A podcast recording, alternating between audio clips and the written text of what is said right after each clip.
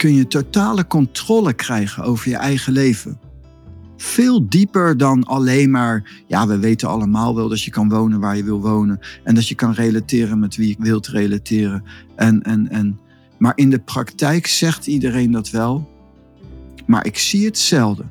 Ik zie zoveel mensen in, in eigenlijk een halve relatie zitten. Of, en zoveel, het is allemaal half-half.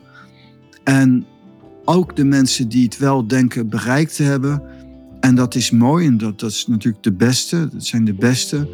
Maar er is nog veel meer mogelijk. En nog veel meer mogelijk ook om, ook om te creëren. Dat gaat veel dieper en veel verder.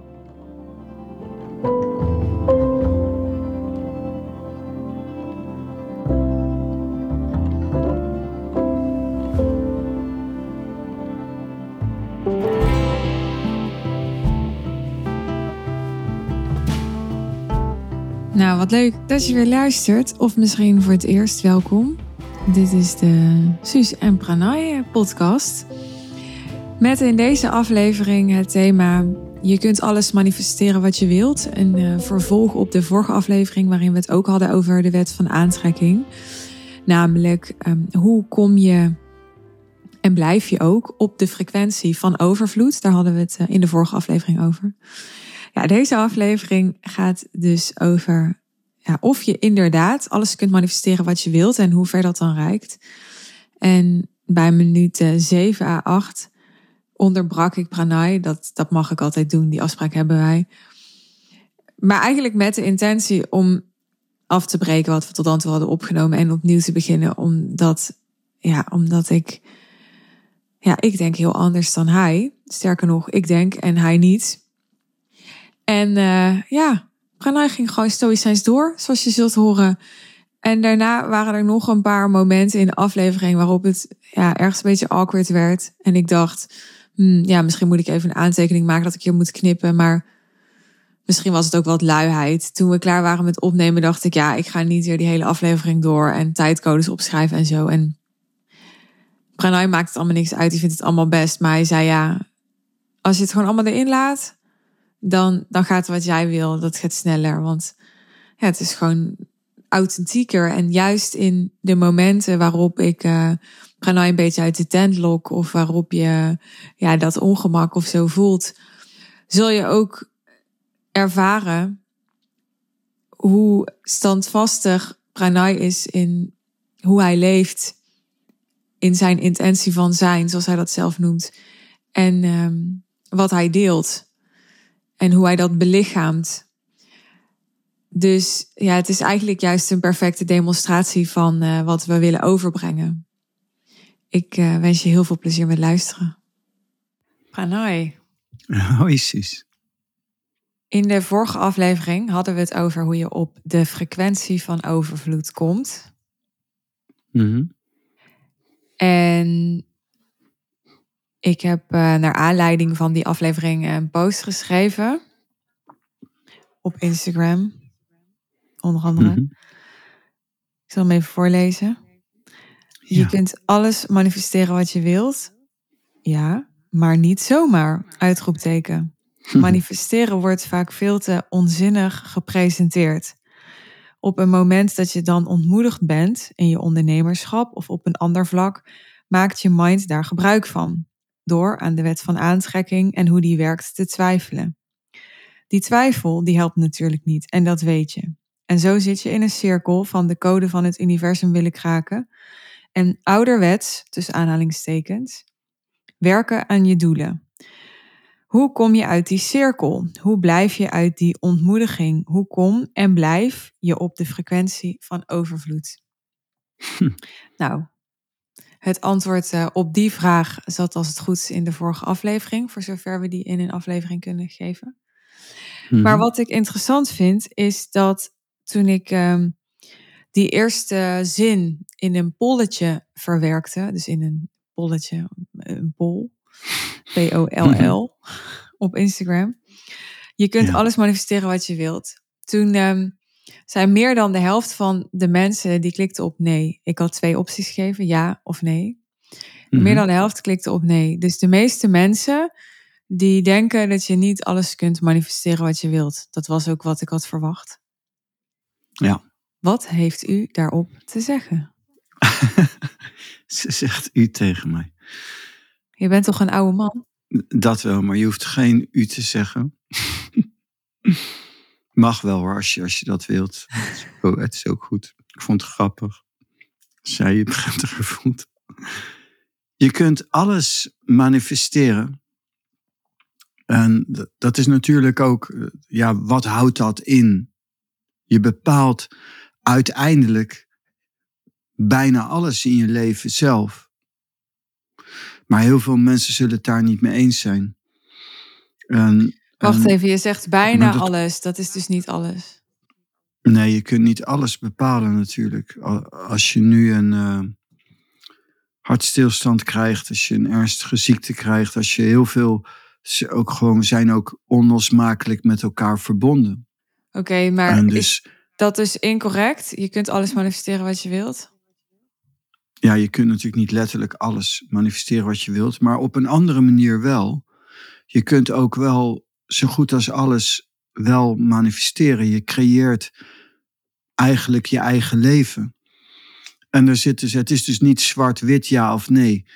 Maar het is wel zo dat mensen vaak nee zullen zeggen omdat ze zich onmachtig voelen. Om, ze hebben niet de controle over zichzelf en ze hebben niet de controle over hun leven. En dus er komt dus heel veel bij kijken als je echt wilt creëren. De, de, de kern, het belangrijkste aspect is uiteindelijk je bewustzijn. Je moet ook. Uh...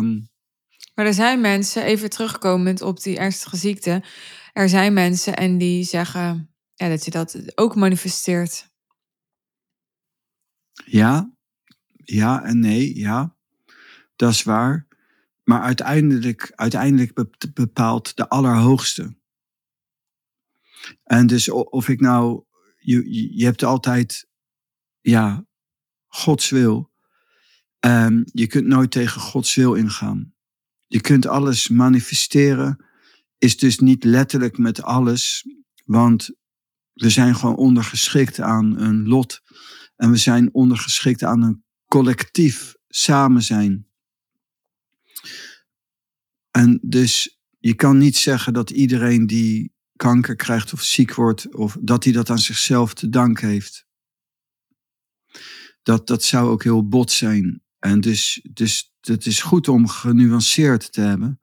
Dat ja, ja, je kunt, je bepaalt eigenlijk voor 99% je eigen leven. Maar nee, natuurlijk niet. Uh, er zitten heel veel dingen bij waar je tegelijkertijd niet zoveel invloed op kunt uitoefenen. Maar bijvoorbeeld, laten we eens een ziekte nemen. Als je goed eet, als je genoeg aan beweging doet, als je in staat bent om. Ja, maar dit is het saaie verhaal. Dit snapt Precies. Dus, dus dat, is, dat is waarom ik het zeg. Dat is de basis. Dan, dan weten we allemaal wel van dat je dan minder risico hebt om ziek te worden. Ja, maar we hebben het hier niet over. over dat, dat zijn dingen die, die ja, gewoon de, de wetenschap en, en, en ja, de maatschappij ook volledig heeft omarmd. Maar ja, wat ik natuurlijk interessant vind om, om naar boven te krijgen in deze podcast, is het stuk ja, waarvan de meeste mensen en misschien ook wel mensen die al met spiritualiteit bezig zijn, denken dat dat, dat ja, buiten de, de invloed van hun eigen creatie ligt, dat ze dat wel degelijk ook zelf kunnen creëren. Ja, je kunt dus met de eerste duidelijkheid van net, nee, je kunt niet zeggen dat als je ziek bent, dat je het aan jezelf te danken hebt en zo. En natuurlijk kun, je dat in sommige gevallen wel zeggen. Is er een andere vorm van creëren? En dat kan ook met gezondheid. En heel veel kun je wel zeker uh, mee bepalen en creëren. Is er natuurlijk een vorm van creëren, zeker bijvoorbeeld in het ondernemerschap. Daar kun je oneindig in creëren. En mensen zeggen van ja, ik kan dat niet, dat is niet waar. En dat kan ook op uh, gezondheidsgebied en zo. Kan je veel meer dan dat men weet. En, maar als je het hebt over je kunt je eigen leven creëren, dan is het zo jij bepaalt waar je woont, wat je doet en wat je creëert. En wij kennen niet, de, de, veel mensen kennen niet de kracht van bijvoorbeeld prana. In mijn geval, ik ben pranay. En ik bouw op prana. En dus in het verhaal van creëren, dan leven mensen tot nu toe op uiterlijkheden. En je beseft niet dat als je dieper in contact komt met God, met de ene, met prana, heel pragmatisch hier nu, dat je daarmee ontzettend veel mogelijkheden krijgt. En waardoor je dus uiteindelijk, als je die optimaal benut, wel zeker voor het verreweg bijna alles in je leven zelf de creator bent. Door jou bijvoorbeeld, door jouw manier van denken, door de wonden die je hebt, door de situatie die je bent, trek je ook mensen aan. En als je andere. Ik ga even interroperen, mag dat? Ja, ja, precies. Ja, ik denk dat we, dat we. Ik wil eigenlijk gewoon aan het begin van de aflevering gewoon meteen een soort statement, waardoor het is te braaf allemaal, vind ik. Het is allemaal, ik heb nog, snap je? Ik denk dat het, dat, uh, wil je minder braaf zijn, Suus? Ja. Als je los en vrij raakt van de vorm en je bewustzijn groeit, kan je veel meer spelen.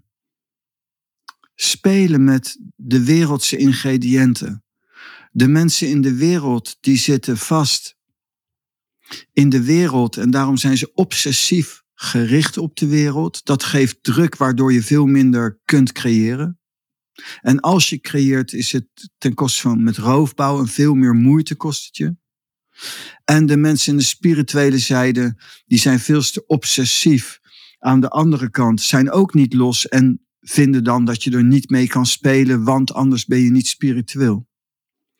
dus de, de mensen in de wereld die voor geld gaan, zijn materialisten automatisch. En de mensen die in de spiritualiteit voor het geestelijke gaan, die zijn automatisch ook tegen materialisme.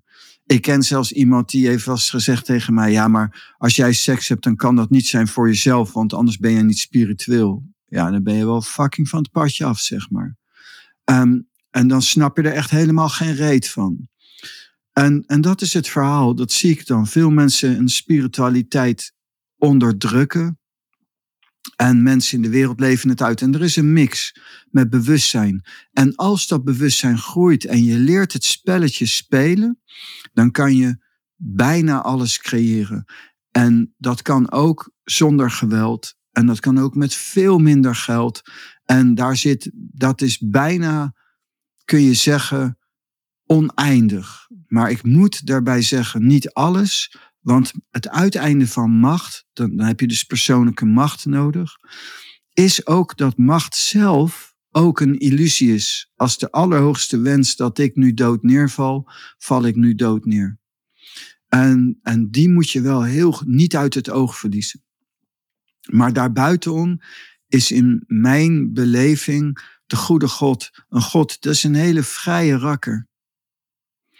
En die goede God die vindt eigenlijk dat je veel vrijer bent. Wij zijn bang om met dingen te spelen, omdat we alles heel serieus nemen en niet kunnen relativeren. Maar ik vergelijk het vaak zo: we zitten eigenlijk leven in een ballenbak. En, en zoals vroeger, dat ik dan met mijn kinderen naar balloren ging en zo. En dan zitten ze in een ballenbak. Maar alles is afgeplakt. En die balletjes, daar kan je mee gooien. Maar het zijn natuurlijk geen harde ballen. Het zijn geen kiezelstenen. En het, zijn, dus je, het, is, het is ook, er zit een bepaalde onschuldigheid in. En wij denken dat we heel veel macht hebben op dat vlak, maar de allerhoogste niet. Ik weet wel dat uh, Baba destijds zei, bijvoorbeeld, als er iemand een atoombom wil gooien die de hele wereld gaat vernietigen, dan hou ik die persoon tegen. Ik denk als je dat echt wenst, dat je eerder een hartstilstand krijgt spontaan dan dat het je lukt om op die knop te drukken. En dat is wat die mensen niet beseffen, ook de grote leiders niet. En dat je eigenlijk maar kan gaan tot dat waar het gaat. Maar ga je in een samen zijn leven, in harmoniseren met de ene, en dan kun je totale controle krijgen over je eigen leven. Veel dieper dan alleen maar, ja, we weten allemaal wel dat je kan wonen waar je wil wonen. En dat je kan relateren met wie je kan, wilt relateren. En, en, en. Maar in de praktijk zegt iedereen dat wel. Maar ik zie het zelden. Ik zie zoveel mensen in, in eigenlijk een halve relatie zitten. Of, en zoveel, het is allemaal half-half. En ook de mensen die het wel denken bereikt te hebben. En dat is mooi en dat, dat is natuurlijk de beste. Dat zijn de beste. Um, maar er is nog veel meer mogelijk en nog veel meer mogelijk ook om, ook om te creëren. Dat gaat veel dieper en veel verder. Maar dan heb je bijvoorbeeld een, een oefening nodig. Harmonie. Een eenpuntige gerichtheid. Gelijkmoedigheid. Juist inzicht der dingen. En een enorme ontspanning van binnen die je niet kan vergelijken met ik ga even relaxen. Een veel diepere vorm van ontspanning. Er komt veel meer bij kijken. Maar dan, als je daarin groeit, yoga technisch, voor mij wat ik dan noem als yoga technisch, dan kan er heel veel. Dan kan, dan kan je, bepaal je in hele hoge mate je eigen leven. Mijn voorganger, die had een dodelijke ziekte, maar die heeft 30 jaar langer geleefd dan, dan dat hij eigenlijk had moeten leven. En, en, en dus hij heeft niet kunnen, zo kunnen creëren dat hij die niet had. Maar hij heeft er wel het maximale uitgehaald. En dat kan wel zeker. Tai bijvoorbeeld, eh, die vorig jaar is overleden, die heeft jaren gerekt. Die was zo jaren daarvoor, was in het ziekenhuis dat de artsen zeiden, ja, hij heeft eigenlijk maar 1 of 2 procent kans om, of misschien 3, maar echt heel weinig, om dit te overleven. Waarop de toen de, nog steeds, die is nog steeds abt, die hoorde dat aan, die zei, hm, oké, we take it. We nemen die 1% of die 2%. En Thij kwam eruit. En Thij had al medisch gezien veel eerder heen moeten gaan. Maar door zijn adem, zijn, zijn oefening in het aandachtig ademen, bleef hij leven. Artsen waren ook versteld. Dus in zijn coma ging hij spontaan naar, uit een als een automatische piloot op zijn mindful breathing. En dat zorgde ervoor dat hij het overleefde. Zijn hele leven, dat aandachtig ademen en zo zacht ademen, als een klein kind, redde hem op het cruciale moment. En toen heeft hij nog jaren gerekt, omdat hij zich, zei die zorgen maakte om bijvoorbeeld Plum Village, over het voortbestaan. Dus hij wilde dat zijn energie daar ook nog in fysieke vorm ook aanwezig was. Is zoveel mogelijk. Er is zoveel mogelijk. Mensen willen uit een situatie komen waarin ze zitten. Ze willen bijvoorbeeld met een business veel geld verdienen en in een andere setting komen. En ze voelen zich onmachtig. Logisch. Nou, en vanuit die kant wil ik, ik zeggen, er zijn bijna geen grenzen. Ik denk dat dat ze vanuit jouw perspectief zich onmachtig voelen, maar dat die mensen dat zelf niet zo zouden noemen. Dat zou mooi zijn. Ik hoor nooit iemand zeggen hardop: Ik voel me onmachtig. Hoor ik echt nooit. Als ik kijk naar de mensen, dan zie ik ze dat wel zijn. Of ze het nu zeggen of niet. Maar dat is natuurlijk logisch. Je hebt een trots. En zeker de mensen die het gemaakt hebben, die, die hebben een trots. Uh, logisch, omdat ze het gemaakt hebben. Die hebben natuurlijk moeite, meer moeite om aan te geven waar ze s'avonds aan denken. Waar ze zitten als ze alleen zijn, als ze met zichzelf geconfronteerd worden. En je wil natuurlijk allemaal goed voor de dag komen. zoals ik net nog even snel mijn haar gefeund heb voor de opname. Nee, dat is een grapje. En, maar je wilt natuurlijk goed voor de dag komen. En dat wil iedereen. En, en dat is ook goed, heb je ook je recht toe natuurlijk. Je hoeft ook niet je, je vuile was met iedereen te delen. Maar als je dieper kijkt, dan zie je toch dikwijls dat het anders is dan dat zoals men zich voordoet.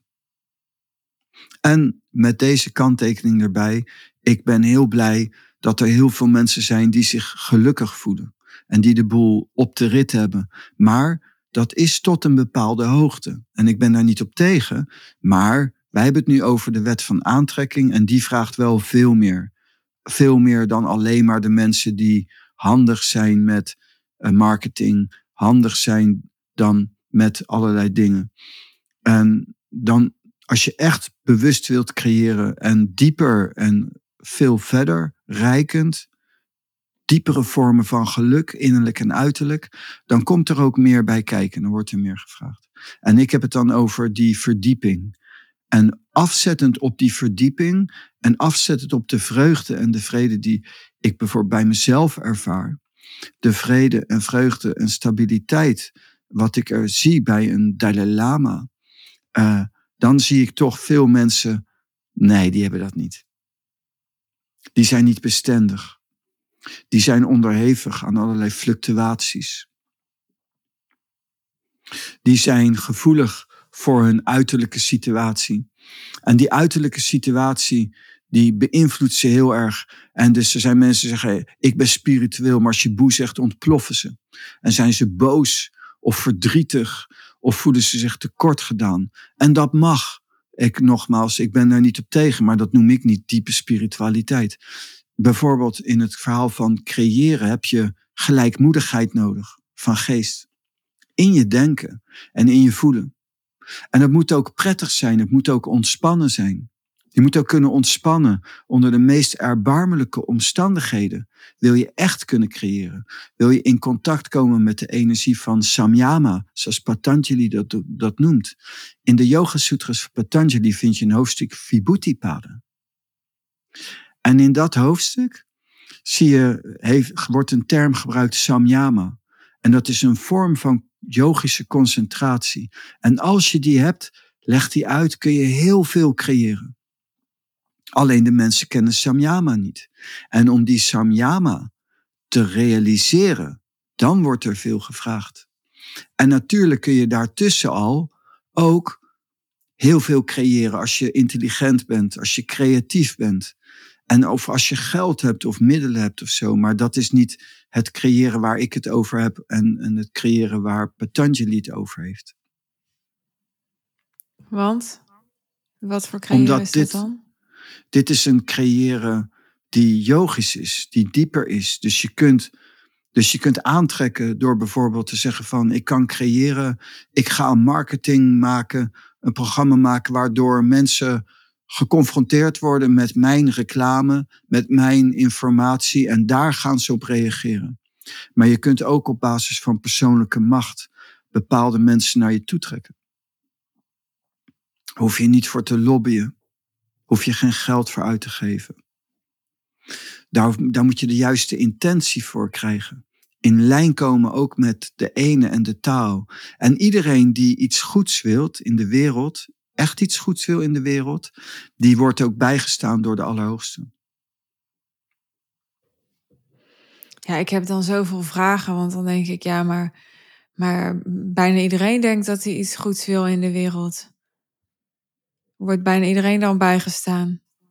Juist, wat is eigenlijk goed? Wat is eigenlijk harmonie? Wat is eigenlijk echt ontspanning? Wat is eigenlijk de oefening van adem in aandacht? Bewustzijn. Wat is yogische vorm van concentratie? Bij die uitleg van al die termen, dat is een andere uitleg, een andere definitie. Je moet dus die dingen gaan herwaarderen. Mensen zijn blij en ik ben blij als mensen blij zijn. Maar ze weten niet dat er nog veel diepere vormen van blijheid zijn. Blij zijn zijn. En dat is een, uh, een onderdeel, maar harmonie creëren, een eenpuntige gerichtheid creëren, gelijkmoedig zijn onder alle omstandigheden. Uh, dat, is een, uh, dat is iets waarvan mensen zeggen van ja, ik ben wel gelijkmoedig. Um, maar dan zeg ik nee, zoals ik kijk en zoals ik je beoordeel niet. En ik beoordeel je niet, ik, ik heb er geen oordeel over. Maar in de zin van, nee, ik kan niet zeggen, dat is de gelijkmoedigheid die, die de yogis hebben. Die bepaalde yogis hebben. Dat is niet een bepaalde standvastigheid. Dat is niet een bepaalde losheid. Dat is niet een bepaalde diepte van het geluk. Zeg je eigenlijk, je kunt alles manifesteren wat je wilt. Uh, mm. Maar daarvoor is noodzakelijk dat je de diepe spiritualiteit ingaat? Ja. Ja, je moet, je, het kan niet losgekoppeld worden zonder bewustzijn. Je hoeft niet speciaal een bepaald geloof aan te gaan hangen of iets, maar je zult bewust moeten worden. Dat is dan wat ik spiritueel noem. En bewustzijn is niet alleen van je menselijke kant tot nu toe. Het gaat ook over hoger bewustzijn. Een ja, maar ook dit is iets. Ik, ik hoef maar Instagram te openen of mensen praten over een uh, verruimde bewustzijn. Iedereen denkt dat hij dat heeft. Mooi. En dan uh, ben ik daar blij om als ze denken dat ze dat hebben en dat ze dus niet lijden. Maar toch zou ik dan willen zeggen tegen veel van die mensen, niet allemaal, are you sure? Zoals Thij zegt. Is dat wel echt zo? Dus als je echt introspectie gaat doen, dan kun je gewoon kijken eind van de dag. Hoe standvastig ben je geweest? Hoe gelijkmoedig? Heb je de hele dag echt aan God gedacht of in het hier en nu gezeten? Hoe snel ben je boos? Of ben je bang, onzeker, verdrietig? En als dat snel is en intens is, dan komt dat omdat je bewustzijn niet diep is. Ik oordeel daar niet over, maar dat is wel de realiteit. Gelijkmoedigheid, standvastigheid, bestendig zijn. Maar mensen zeggen, ik ben spiritueel, maar als je boe zegt, ontploffen ze. Dat is niet spiritueel. Uh, dan heb je niet een hoger bewustzijn. Dan heb je niet samyama. Dan heb je geen hogere vormen van yogische concentratie. Dat hebben ze ook niet. Veel mensen hebben dat ook helemaal niet.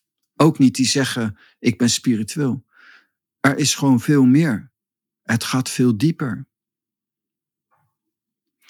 En dus, uh, ja, ik heb daar heel veel respect voor. En er zit ook heel veel potentie in hun godsbeleving. Maar ik kan niet noemen dat ze nou zo goed bezig zijn als ze het hebben echt over het niveau van de diepe spiritualiteit, het mystieke. Dat kan niet. Waarom kan dat niet? Het openbaart zich namelijk in bestendig zijn. Als jij zeg maar snel boos wordt, ben je gewoon ja, maar goed, jij doet nou de aanname dat die mensen snel boos worden, maar dat zeg ik niet. Ik wel. Ik wel dus. Dat zie ik. Dat zie ik. Mensen zijn niet stabiel in hun intentie van zijn.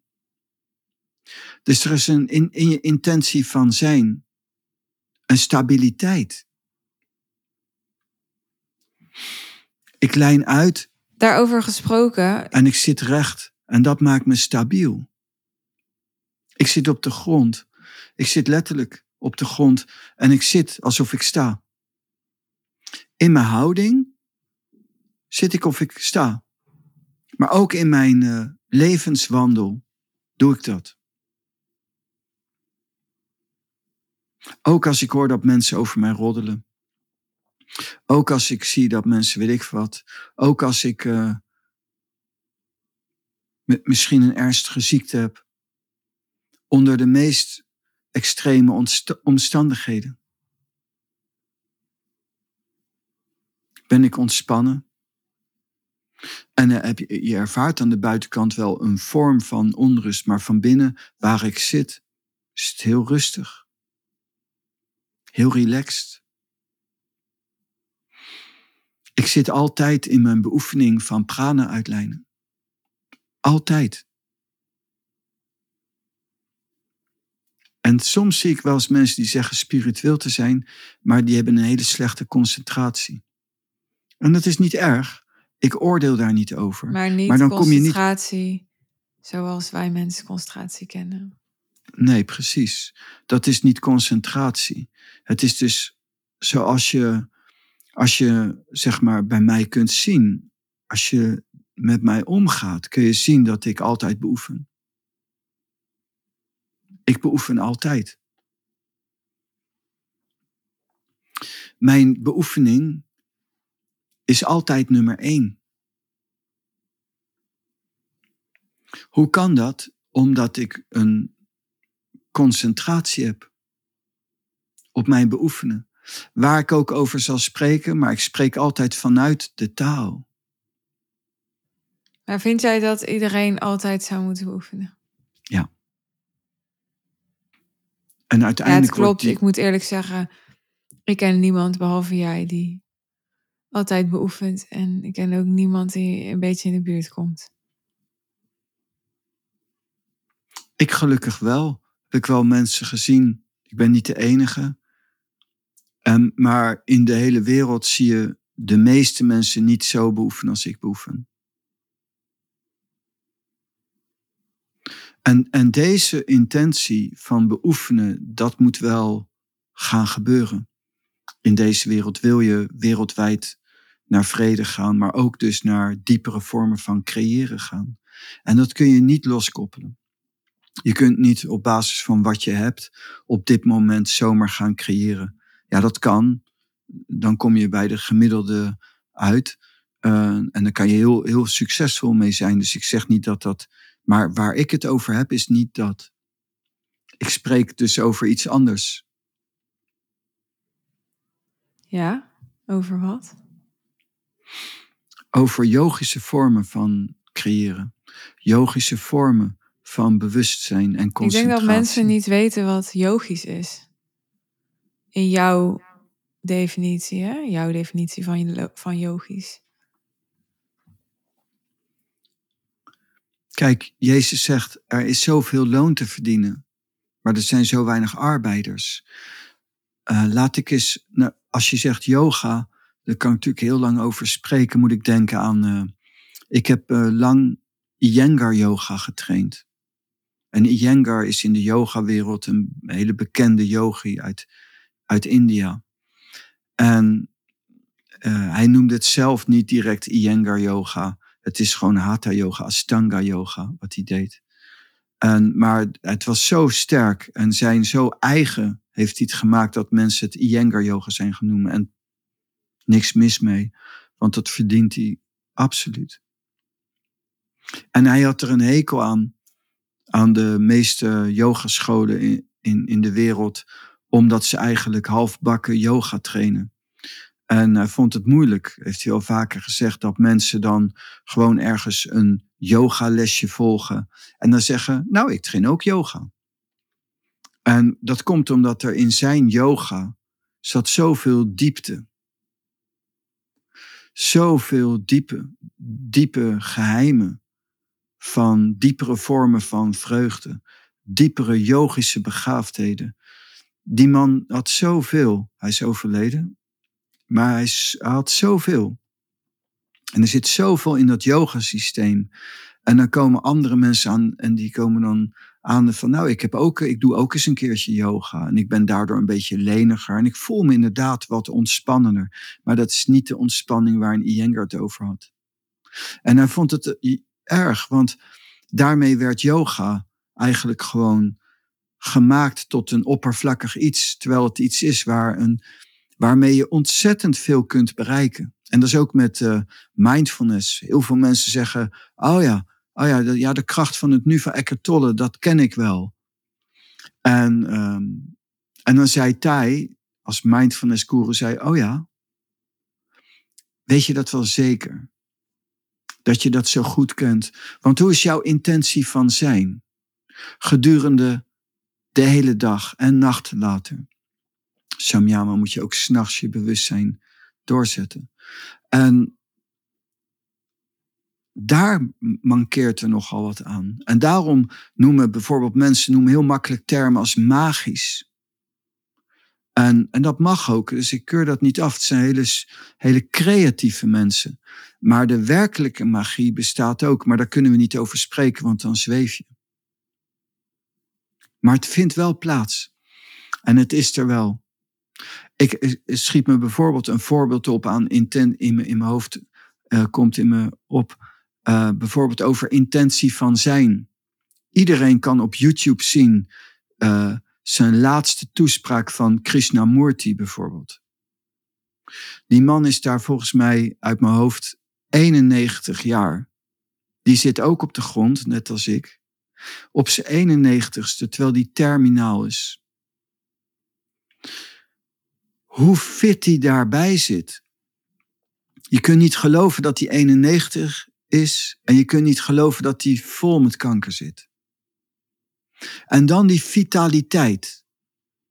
En dan die intentie.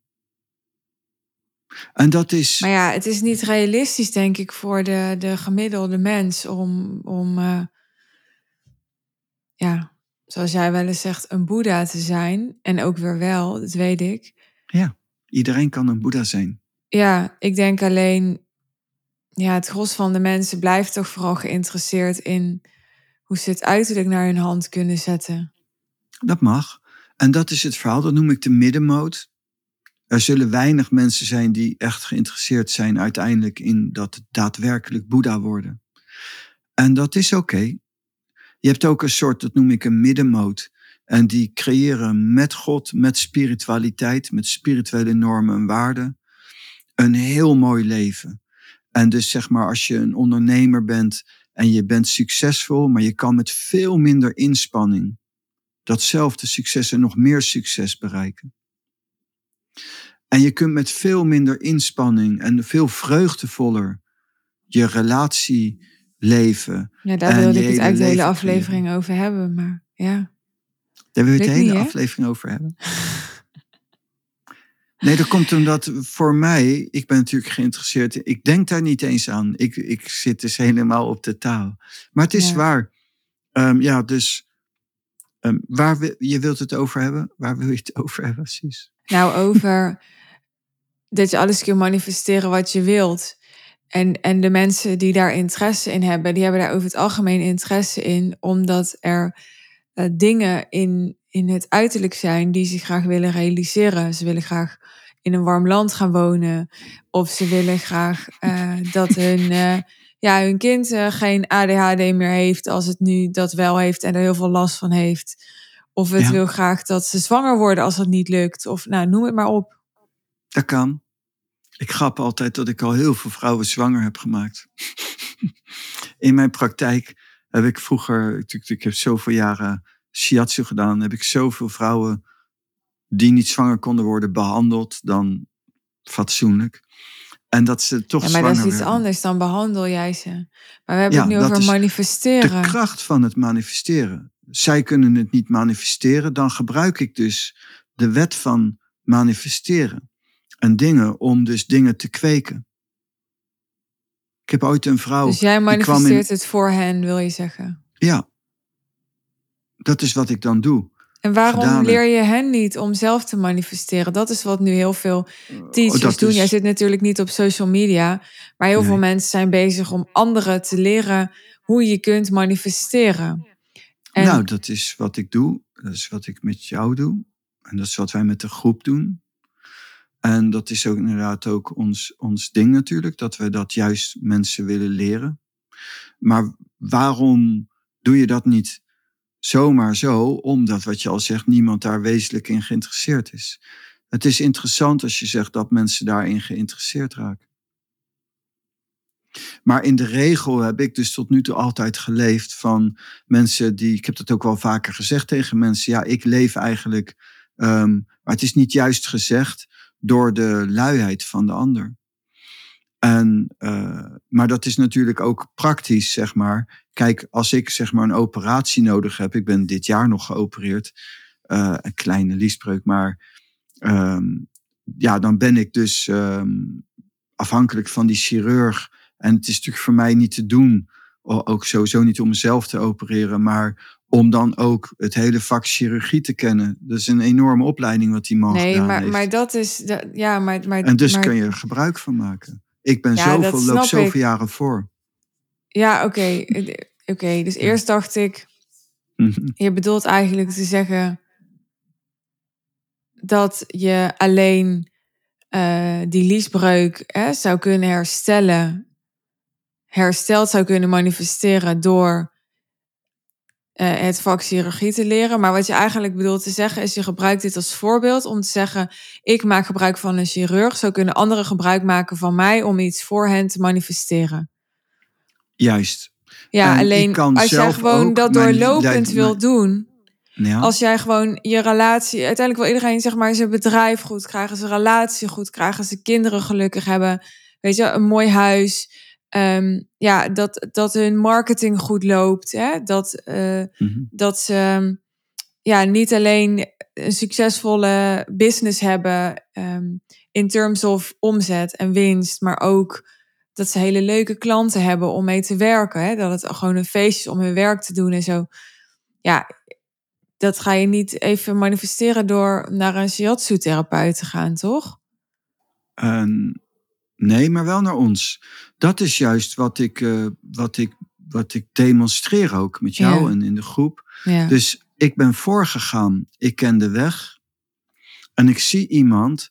En zoals ik tegen jou direct zei van... Oh, jij, zit, jij hebt een vuurstoring. En daardoor kom jij in de situatie waarin je zit. Maar dat kunnen we zo en zo doen. En dat kan vrij snel. En dat zie ik ook in de groep. Dus iemand zegt iets. Oh, maar je hebt daar en dat en dat. Daar heb je een storing in. En dat, door mijn werk kun je, kan ik je dan versneld brengen naar die plek. En dan is alles goed en dan kun je manifesteren en alles. Maar dan heb je ook een stukje taal gehad. Maar dan ben je nog niet een yogi. Maar dan heb je wel de kunst van het creëren meer onder de knie. En is de harmonie en is je bedrijf succesvol en is je relatie goed. Of, en, en, en, en, en zo. Dat kan vrij snel, omdat dat vrij oppervlakkig is. Voor mij ten opzichte van de taal waar ik aan het begin van de podcast over sprak. En dat is dan meer, en dat is ook waar ik van nature zit. Daarvoor ga ik daar ook over praten. En heb ik het ook daarover altijd. En het is voor mij nog lastig inderdaad om dan te, terug te koppelen naar wat jij nu zegt. Maar dat komt wel, dat komt wel. Ja.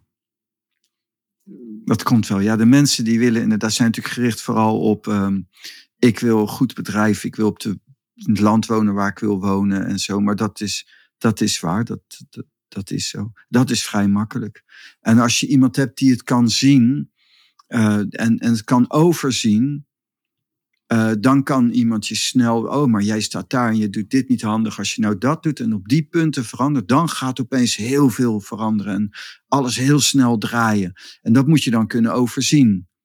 En dat, dat kan ik. En, en dat is ook wat ik doe. Natuurlijk. Wat wij nu doen, ook naar de groep. Ja, Vertel dat nog even. Ja. wat over de groep voor mensen die misschien voor het eerst luisteren of zo. Wat voor groep hebben wij en eh, voor wie is dat interessant?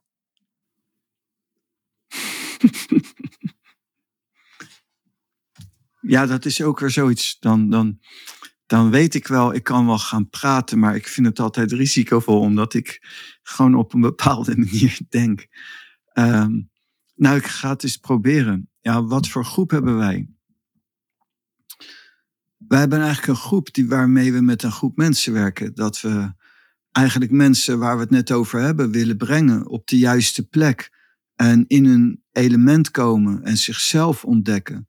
En waardoor ze innerlijk en uiterlijk rijk worden. En dat is eh, wat, wat we doen, eigenlijk. Heel kort, maar wel eh, bondig. En waarom moeten ze dat juist bij ons komen doen?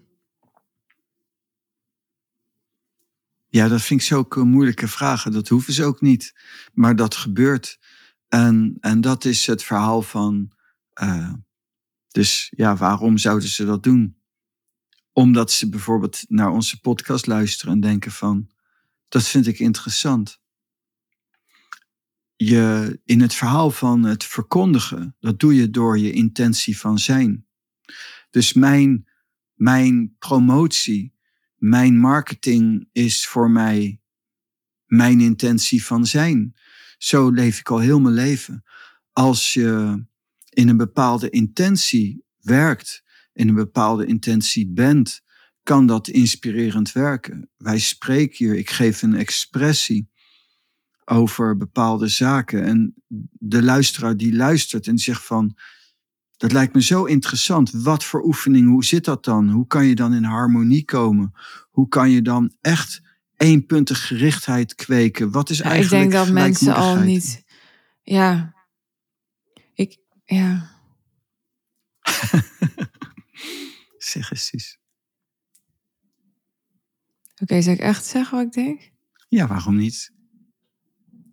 Oké. Nou, ik denk, ja, je bent zo tam of zo.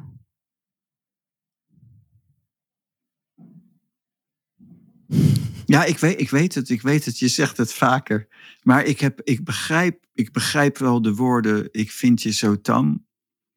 En, maar het, het, komt, het is, het nou, is kijk, bij mij. Ik, Als ik nu mensen een stukje zou laten horen van hoe jij in de groep praatte, ja. twee dagen geleden, ja. dan denk je echt, nee, dan moet je broer geweest zijn. Want dan zit er zoveel. daar zit, als je het hebt over intentie, dan kan je praten met een intentie. En dan zijn mensen echt gewoon, ja, their minds are blown, zeg maar. En uh, zijn Omdat gewoon... ik iets concreets heb, dan wordt het gedragen. Dus ik ben vanuit mezelf een no-mind. Dus ik denk niet. Maar ben ik dan met wat ik aangeef in zo'n aflevering niet concreet genoeg? Nee. Nee, ik, ik, ik begrijp ondertussen natuurlijk heel goed dat je iets vraagt. ik, ik snap het niet. En dus. Dus wat en, is er in die groep dan concreter? Dan, dan zitten er mensen voor me. Ik zie die mensen. En wat ik ook demonstreer. Ik, ik vertel heel snel, zeg ik allerlei dingen waarvan ze denken: hoe kan je dat weten? En dan ga ik daarop praten. En maar kan je niet mezelf, praten op mij dan? Ik zit toch voor je?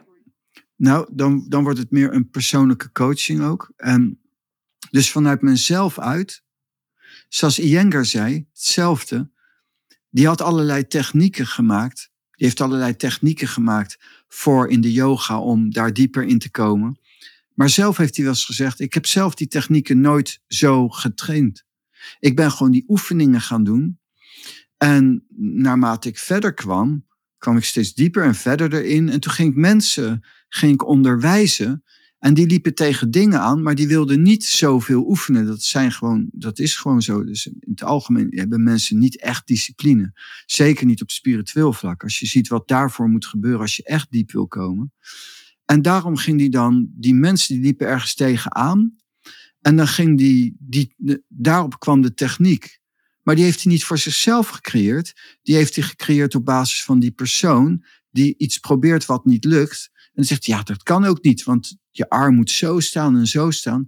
En daarop is het ontwikkeld. En zelf, als hij gaat praten over yoga, dan gaat hij niet praten over die technieken.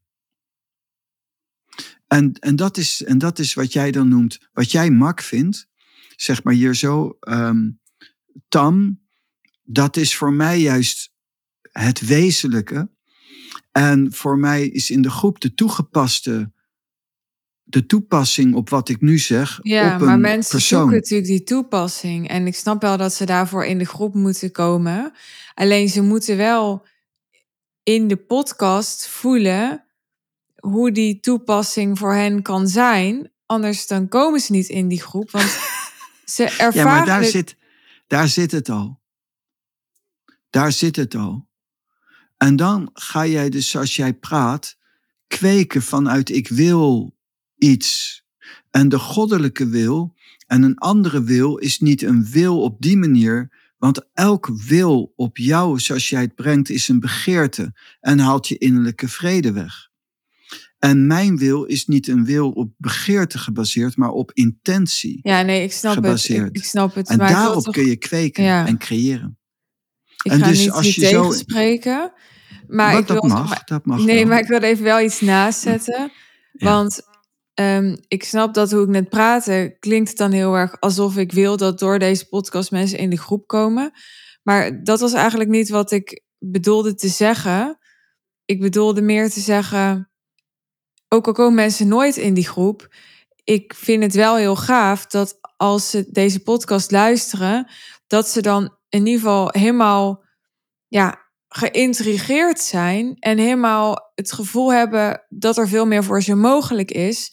En inderdaad het gevoel hebben, ehm, oké, ik kan mijn leven precies creëren zoals ik het wil. En ja, dat wij dan ze daarmee kunnen helpen, dat is een tweede. Dat zou een logisch vervolg kunnen zijn. Maar waarom ik aanhaal hoe jij eh, een paar dagen geleden praatte in de groep, ehm, dat is niet alleen de woorden, maar dat is voor mij juist die intentie waarmee je dan praat. Omdat ik dan aan het werk ben. Dus dat, dat is de actie. Dan zitten er mensen voor ons. En die mensen die pak ik op. En die pak ik op.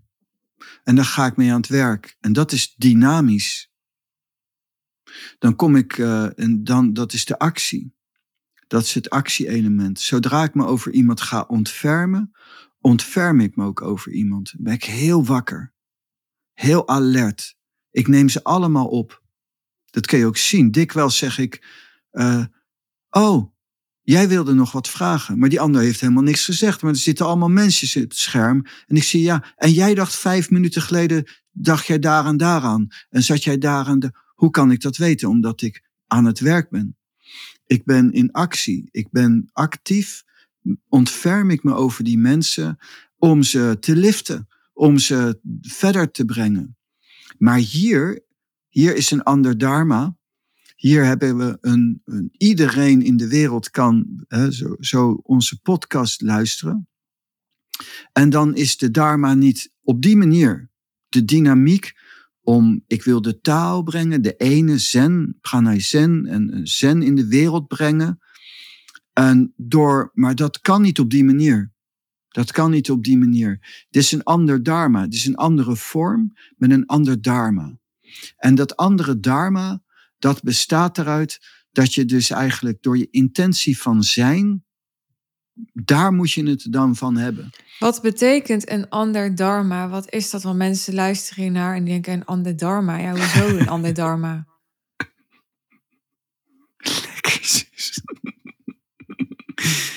Hoe je dat zegt. Ehm, nou, dharma is, is een soort wetmatigheid. Dus je hebt zeg maar, als je, als je het wilt vergelijken van afzetten van iets werelds. ehm, als ik zeg maar een, een, een hatha yoga doe, beoefen, dus allemaal lichaamshoudingen beoefen, dan moet ik heel sober eten. Ik kan het me niet permitteren om niet heel sober te eten, want anders ga ik nooit een bepaalde diepte in. Maar stel dat je schaker zou zijn, dammer van mijn part, dammen of schaken doet, ja, dan kan je met een dikke buik gaan zitten. Dat maakt niet uit. Het gaat erom dat jij in dat schaakspel goed zit. En dus dat is een andere, andere dingen worden er gevraagd, op een andere manier. En dat zou je dan kunnen zien als een dharma, dharma-regels. En bijvoorbeeld waar ik mee bezig ben, in een transitie, juist voor, omdat mijn missie is en onze missie nu is van ook de taal in de wereld brengen, bewustzijnsverruiming in de wereld brengen, is dat ik dus minder train, wat ik moeilijk vind, en een langs, dus niet forceer, bedoel ik dat daarmee. Ik ga dat niet forceren en laat dat langzaam gedijen om meer te zijn met de voeding van meditatie en mindfulness tot een belichaming van zen. En dat is dan, dat vraagt ook bepaalde dingen. En als ik me anders wil manifesteren, als ik een bodybuilder wil zijn, moet ik niet in mijn hoofd halen om weinig te trainen. Maar wil ik voorkomen als iemand die meditatief is, Moet ik weer niet te veel trainen? Want dat heb ik nu gedaan en dat zie je dan in mijn gezicht, een bepaalde vermoeidheid door de training. En anders, als ik, als ik zeg maar minder train en meer mediteer, krijg ik weer een andere uitstraling. Maar door de voeding ga maar, ik ook anders spreken. Ik begrijp dan nog niet waarom dit hoe jij nu spreekt dan een wetmatigheid is voor deze podcast. Ik, ik blijf dat moeilijk vinden om te pakken. Dat ik denk, maar je kan toch gewoon wel, zoals je daar praat, kan je toch ook wel hier praten. En dan zeg jij elke keer nee, dat is niet zo. Nou, dat zou ik misschien kunnen als het vrijkomt in mij. Maar dan is het niet echt. Nou ja, en, en Dus ik zit maar dat is en- waarom ik hier dan zit, hè? En ik denk dan, waar moet ik prikken? Zit van, waar moet ik Ja, prikken dat is ja, die... dat is het verhaal ja, van. Jij, zodat het jij vrijkomt. dat is het verhaal. dus ja. ik moet beter worden. Dat is eigenlijk het moraal van dit verhaal. Nou ja, niet jij, het is niet jouw fout. Maar het, eh, ik denk niet, dus het komt niet uit mij vrij. Spontaan. En ik ga niet liegen. Ik ga niet, als het niet vrijkomt, kan ik niet met mijn denken denken. Oh ja, ik moet eigenlijk zo of zo doen. En dan is het ook niet echt. En dus het is een ontwikkeling. Het is een ontwikkeling die, die vrijkomt. Maar nog Maar even, ik denk dat in- mensen ja. echt denken, jij denkt niet. Dat kan dus echt. Je kan dus echt niet denken. Ja, je kan zeker niet denken. Dat is zelfs een belangrijk eh, iets om, om niet te denken. Is dat belangrijk als je alles wilt manifesteren wat je wil? Ja, want je. Maar je moet toch bedenken wat je wil, of werkt het zo niet?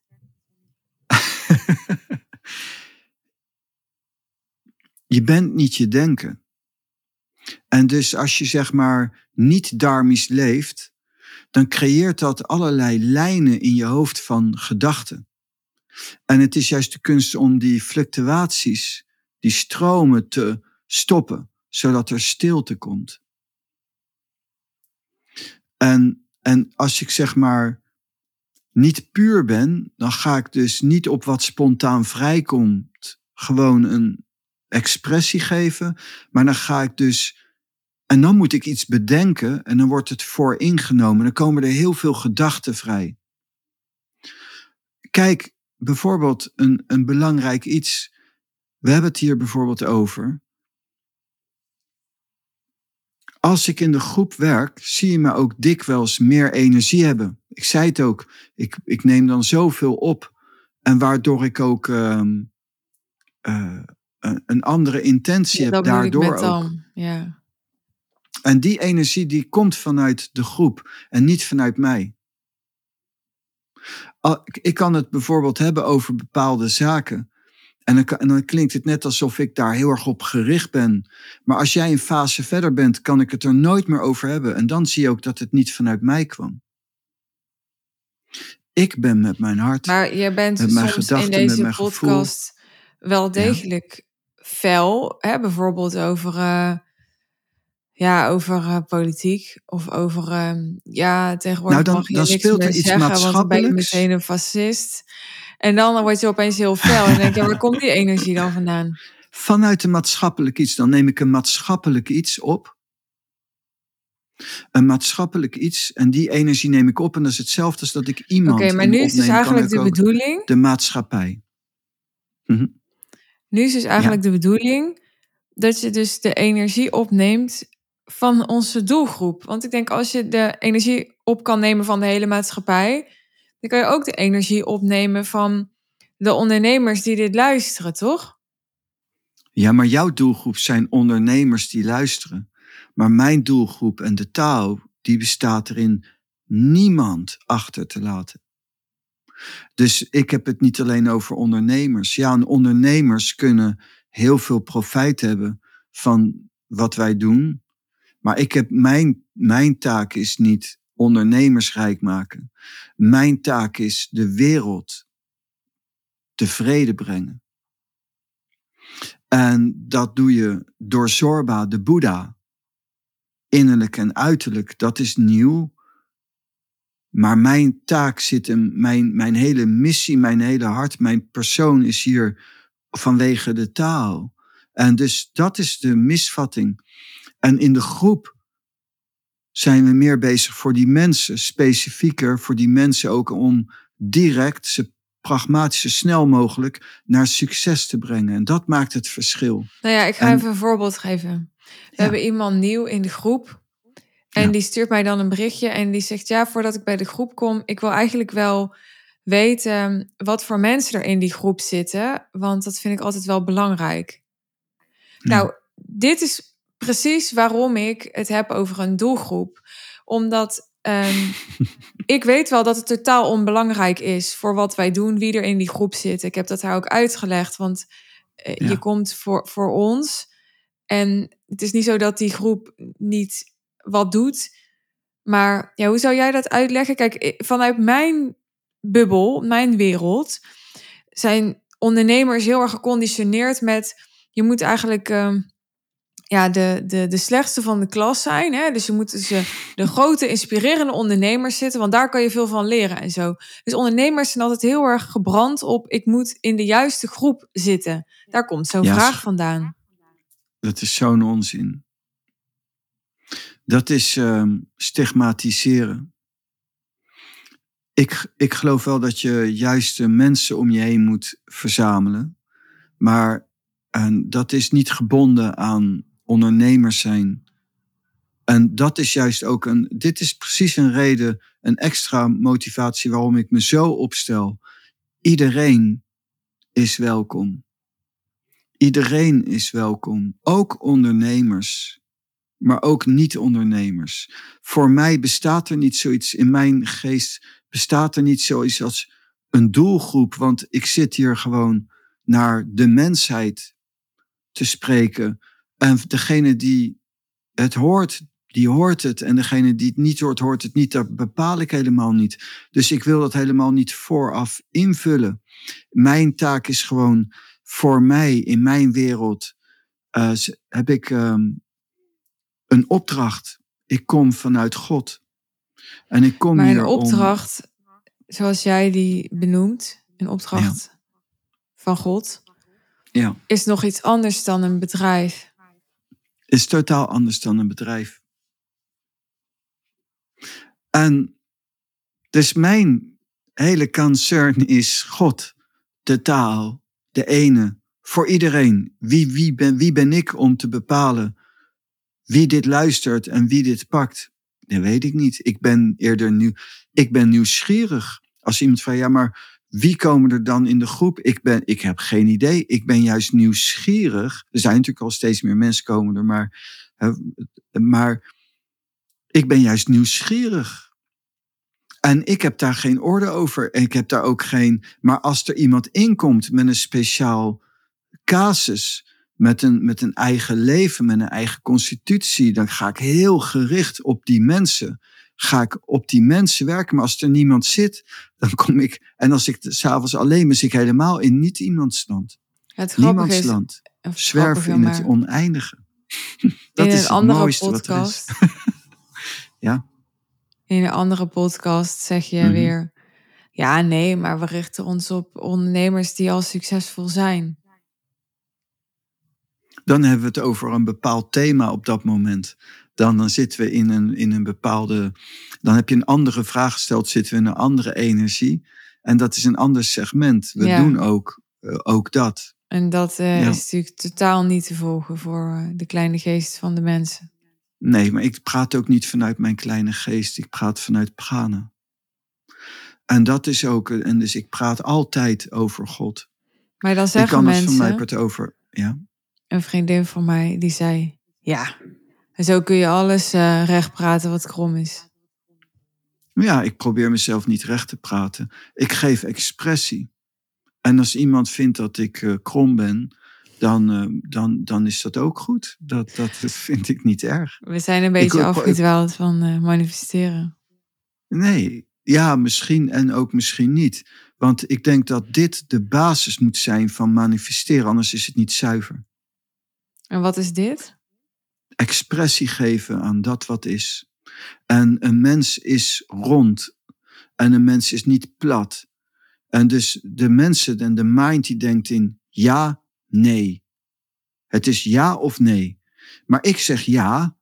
En aan de andere zijde van diezelfde cirkel zit ook nee. En dus het ene moment kan ik die ja omschrijven. Maar ik ben niet alleen maar ja. Ik ben ook nee. Het is nooit alleen maar ja of alleen maar nee. Ja, het grappige is dat ik dus door jou daar echt aan gewend raak. En dat laatst iemand een keer tegen mij zei... Ja, maar je zei gisteren nog dit en vanochtend zei je dat en nu snap ik het niet meer. En toen dacht ik echt, hoezo snap je het nu niet meer? Het is gewoon allebei. Juist, als je ze bij elkaar zet. ik, die persoon was helemaal ontregeld, maar ik was zo aan jou gewend. Ik dacht, het is toch logisch? ja. En dat is ook waarom iedereen zo valt. Je mag niet meer zwarte Piet zeggen, je mag niet meer wit zeggen, je mag niet meer zwart. Omdat ze zelf discrimineren. Zij zeggen zwart is zwart en wit is wit, maar zwart bestaat niet en wit bestaat ook niet. En dat is het hele verhaal van yin-yang. Dat is allemaal onzin, omdat iedereen in zijn mind zit. Je mag dat niet zeggen. Ja, maar ik zeg dat niet. Als iemand zegt Zwarte Piet, zegt hij niet: we gaan alle Marokkanen doodschieten. Iedereen, alle, en, en weet ik veel wat. Die heeft het gewoon over een kinderfeest. En niet over. En daar gaat iedereen moeilijk over doen. Omdat ze het gewoon zeggen: ja, hij heeft het woord gebruikt. Ja, what the fuck, man. We leven in een, in een, in een maatschappij waarin iedereen, als je ook maar één verkeerd woord gebruikt, maakt niet uit wat je ermee bedoelde, word je gekielhaakt. Dat vind ik pas fascistisch. Dat vind ik pas heftig. Tegenwoordig is links nog erger dan rechts. Dat vind ik en, ook, ja.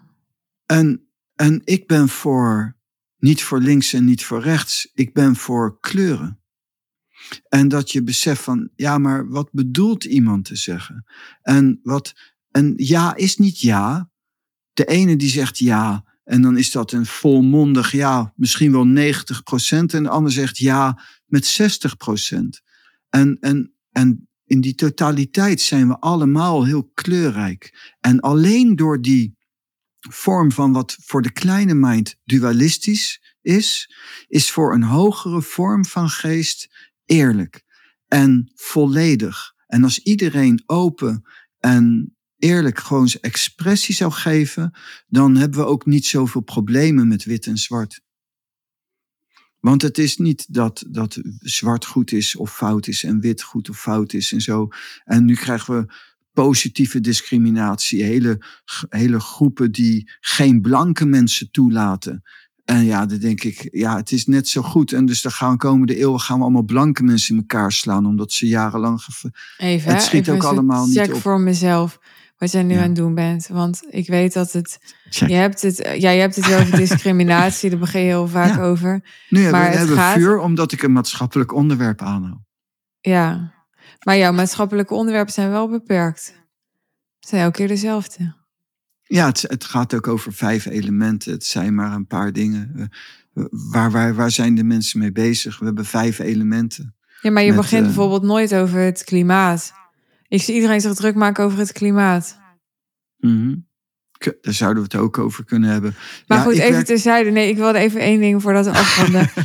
nee, maar even wat, wat je nu probeert te doen. Probeer jij nu door zo'n maatschappelijk onderwerp als metafoor te gebruiken... Uh, mensen eigenlijk ja, los te maken van de dualiteit. Ja, en het kleine denken. Ja, waardoor je hun bewustzijn verruimt. En door dat verruimd bewustzijn zijn ze veel beter in staat om te manifesteren. Is dan de cirkel rond? Ja, en bijvoorbeeld in dit verhaal dus te leven in een multiculturele samenleving. Samen te leven. Terwijl uh, bijvoorbeeld een moslim mag gewoon een moslim zijn. En die mag ook als moslim in Nederland wonen. Ja, lieve schat, maar daar gaat toch niet over manifesteren? Nee, maar dat is dus de metafoor van, meta, van, van... Dat is wel zo. Het is de metafoor van een verruimd bewustzijn... waar we het over hebben gehad, die, ex, die noodzakelijk is, wil je manifesteren.